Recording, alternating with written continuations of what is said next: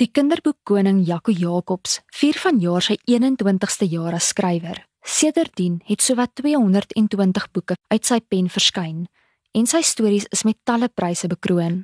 Ek het toe ek 7 jaar oud was, my eerste stories begin skryf, boekies gemaak met prente by en so en ek het op hoërskool ernstig begin skryf, aan skryfkompetisies deelgeneem en so. En toe aan die einde van matriek het ek gaan sit juis op François Bloemhof se aanbeveling en ek het 'n tienerboek geskryf en die boek aan 'n uitgewer voorgelê en is toe wel vir publikasie aanvaar, maar die publikasieproses het 'n hele 6 jaar geduur. So teen die tyd wat daai boek verskyn het, het ek toe al ander boeke gepubliseer. My eerste boek het verskyn toe ek 21 jaar oud was en dit is nou al net mooi 21 jaar gelede. So so ek is wow. nou net mooi die helfte van my lewe as ek 'n skrywer. Ek het volwasse literatuur probeer skryf toe ek 'n kind was. Ek het kleintyd die kinderboek afdeling in ons dorpsbiblioteek baie vinnig van hoek tot kant dwars deur gelees en toe ek op hoërskool was het ek volwasse boeke gelees. Ek het Stephen King gelees en ek het Andre P Brink en Etienne Leroux gelees en so en die werk wat ek toe geskryf het, ek het baie kortverhale geskryf was in daai genre wat ek het daarvan gedroom om literêre kortverhale te skryf. Ek het toe in 'n stadium met ek 'n skryfskool bygewoon wat vir volwassenes bedoel was. Daar was skrywers en uitgewers en ek het onder andere hierdie skrywer François Bloemhof daar 'n praatjie gelewer en hy het gesels oor hy was toe verhale redakteur by 'n tydskrif en hy het gesels oor hoe om verhale in 'n tydskrif voor te lê. En onmiddellik in my kop het ek gesien wel hier's iets wat 'n mens kan 'n geleentheid om gepubliseer te word, 'n geleentheid om geld te verdien met jou met jou skryfwerk want jy weet as 'n mens 'n kind is, is jy baie geïntimideer van gaan ek 'n lewe hiervan kan maak.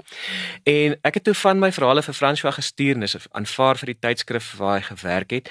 Maar hy het toe 'n stadium met hy my het hy vir my 'n brief geskryf en gesê hoorie wil jy nie kinder en jeugboeke probeer nie ek kan sien die dinge waaraan jy eintlik belangstel spookstories en sulke goed is perfek vir kinder en jeugboeke en dis asof daai brief van hom iets in my kop laat oopgaan. Toe besef ek, maar weet jy, dis eintlik daai boeke wat ek klein te gelees, daai Nancy Drew boeke of die Hardy Boys of al hierdie gril stories wat ek gelees het, was eintlik die boeke wat ek die heel meeste geniet het. En ek het teruggegaan biblioteek toe en ek het gaan teruglees. Ek het gaan my kleintyd boeke weer lees en ek het toe aan die einde van matriek gaan sit en ek het 'n uh, tienerboek geskryf. En dit was toe ek daar gaan sit en ek begin hierdie storie beplan en so was dit asof 'n mens asof ek so asem gehaal het asof Philip de Vos sê altyd 'n mens moet sing soos jy gebek is en dit het vir my so gevoel jy weet dit gevoel asof ek nou besig is om te doen wat vir my natuurlik kom om te doen en ek het net nooit weer teruggekyk eintlik nie. Op hulle plaas in Kenawen was Jaco as kind al besig met groot avonture danksy sy kleurryke verbeeldingswêreld Ek het op 'n Karoo plaas groot geword. Ons het so die eerste 5 jaar van my lewe heeltyd op die plaas gebly en toe het ons dorp toe getrek wat my pa net deeltyds geboer het.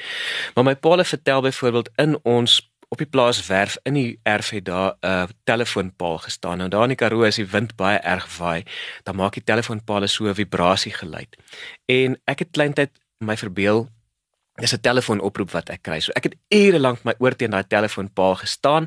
Dan het ek na die tyd vir my paal gaan vertel wat se stories alles my gebeur het. Ek het ek het hierdie fiktiewe wêreld gehad waarmee ek gekommunikeer het. Ek het hierdie karakters, die dansers gehad. Wat ek nie weet waar hulle vandaan kom nie, maar met hulle het ek skynbaar in my verbeeldingswêreld ongelooflike groot pretlynheid gehad. So ek dink dit was net in 'n mate 'n vreemde seentjie. Hoewel Jaco homself as introwert beskou, Onthou sy ouers dat hy van kleins af 'n entoesiastiese storieverteller by familiegeleenthede was. Dis vreemd ja, want ek was regtig 'n skaam kind. Op laerskool was ek baie baie teruggetrek. Ek ek was 'n tipiese bleeksiel, daai kind wat eenkant sit met 'n boek en so. En tog vertel my pa dat my pa was die jongste van 'n hele paar kinders. So al my neefs was baie ouer as ek. Ek was in graad 1 toe my oudste neef se niggies al in matriek was. En tog vertel my pa met familiebeeenkomste hierdie ouer neefs en niggies rondom my gesit en dat ek vir almal stories vertel. En ek kan my dit beswaarlik indink as ek dink hoe skaam ek klein dit was maar dit is soos jy sê daar's iets van daai behoefte van 'n storie wat moet uit en mense vermaak met 'n storie wat 'n mens amper ondanks jou teruggetrokkenheid kan doen. Op die vraag oor hoe 'n greep uit sy verbeeldingswêreld vandag lyk vertel Jaco dat dit byna soos 'n sirkus sal uitspeel. Ek dink dit gaan baie soos 'n sirkus lyk. Ek is verskriklik lief vir die hele idee van 'n sirkus al van kleins af. Ek onthou die eerste keer in my lewe het ek waarskynlik vir my pa of ma gesê het ek wil 'n werk wat se werk ek eendag gaan doen, wou ek 'n krokodiltemmer in die sirkus wees. So ek het 'n fascinasie met krokodille al van kleins af. So iewers in daai prentjies sal 'n krokodil wees en verder is dit 'n sirkus. Dis vermaak, dis narre en dis lag en dit is goed wat jou bietjie bang maak soos mense wat vuur blaas en leeu's en so en dis hoe al, ek altyd aan my verbeelding dink is 'n sirkus tent waarin ek kan gaan speel. Boeke uit Jaco se pen vloei konstant.